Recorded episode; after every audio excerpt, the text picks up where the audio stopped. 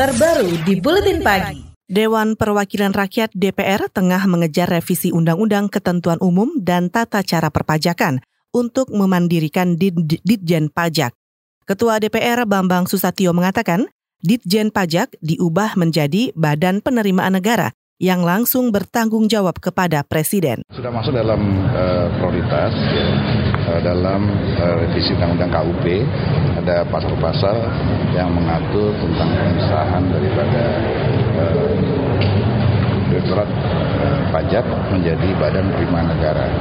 Itu kan sebetulnya janji kampanye Pak Jokowi 2014 yang belum sempat diwujudkan, tapi ini kita sedang bahas di DPR karena kita melihat pembentukan badan ini lebih efisien dalam uh, lebih meningkatkan penerimaan negara. Ketua DPR Bambang Susatyo juga menuturkan transformasi Ditjen Pajak menjadi Badan Penerimaan Negara bisa menciptakan parameter yang lebih terukur dalam upaya menggenjot penerimaan pajak. Bambang yakin revisi Undang-Undang Ketentuan Umum dan Tata Cara Perpajakan bisa selesai sebelum akhir masa jabatan DPR. Pengamat perpajakan Darussalam menilai pemisahan itu berdampak positif pada upaya peningkatan penerimaan pajak. Darussalam mengingatkan untuk juga memperbaiki administrasi SDM dan kebijakan. Ya, jadi bagaimana penerimaan pajak selama ini kan sejak kita berpuluh tahun yang lalu lah, katakan sekarang 2019, sejak 2009, 2009 penerimaan pajak kita nggak pernah tercapai. Nah ini kan harus dicari solusinya uh, apa gitu. Salah satunya menurut saya ya kita harus membenahi bagaimana memperkuat Direktur Jenderal Pajak ini gitu loh. Ya artinya apa? Dengan cara memperkuat menurut saya harus naik kelas gitu loh. Naik kelas statusnya gitu. dari level Direktorat Jenderal Pajak ya harus menjadi level selevel dengan dengan kementerian. Pengamat perpajakan Darussalam menambahkan tren di dunia saat ini otoritas pajak bersifat semi-independen. Artinya otoritas pajak punya diskresi sendiri dalam lingkup organisasi SDM dan keuangan. Contohnya mirip seperti otoritas Bank Indonesia yang juga semi-independen. Karena untuk urusan fiskal, Bank Indonesia tetap harus berkoordinasi dengan Kementerian Keuangan. Pengamat ekonomi dari Indef, Eni Sri Hartati menyarankan pengkajian komprehensif terkait usulan memisahkan Ditjen Pajak dari Kementerian Keuangan. Alasannya, pemenuhan target pajak yang terus saja meleset akibat koordinasi antar lembaga yang kurang baik.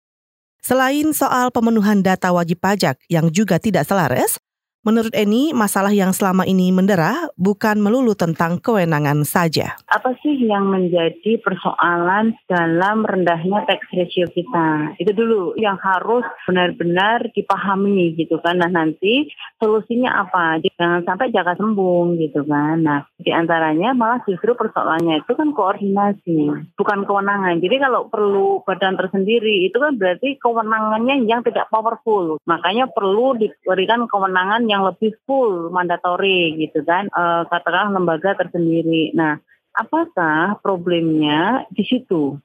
Pengamat ekonomi dari Indef, Eni Srihartati menambahkan, kalau masalah minimnya pembayar pajak terjadi akibat kewenangan Ditjen Pajak yang terbatas, maka solusi yang bisa diambil yaitu menceraikannya atau memisahkannya dari Kementerian Keuangan.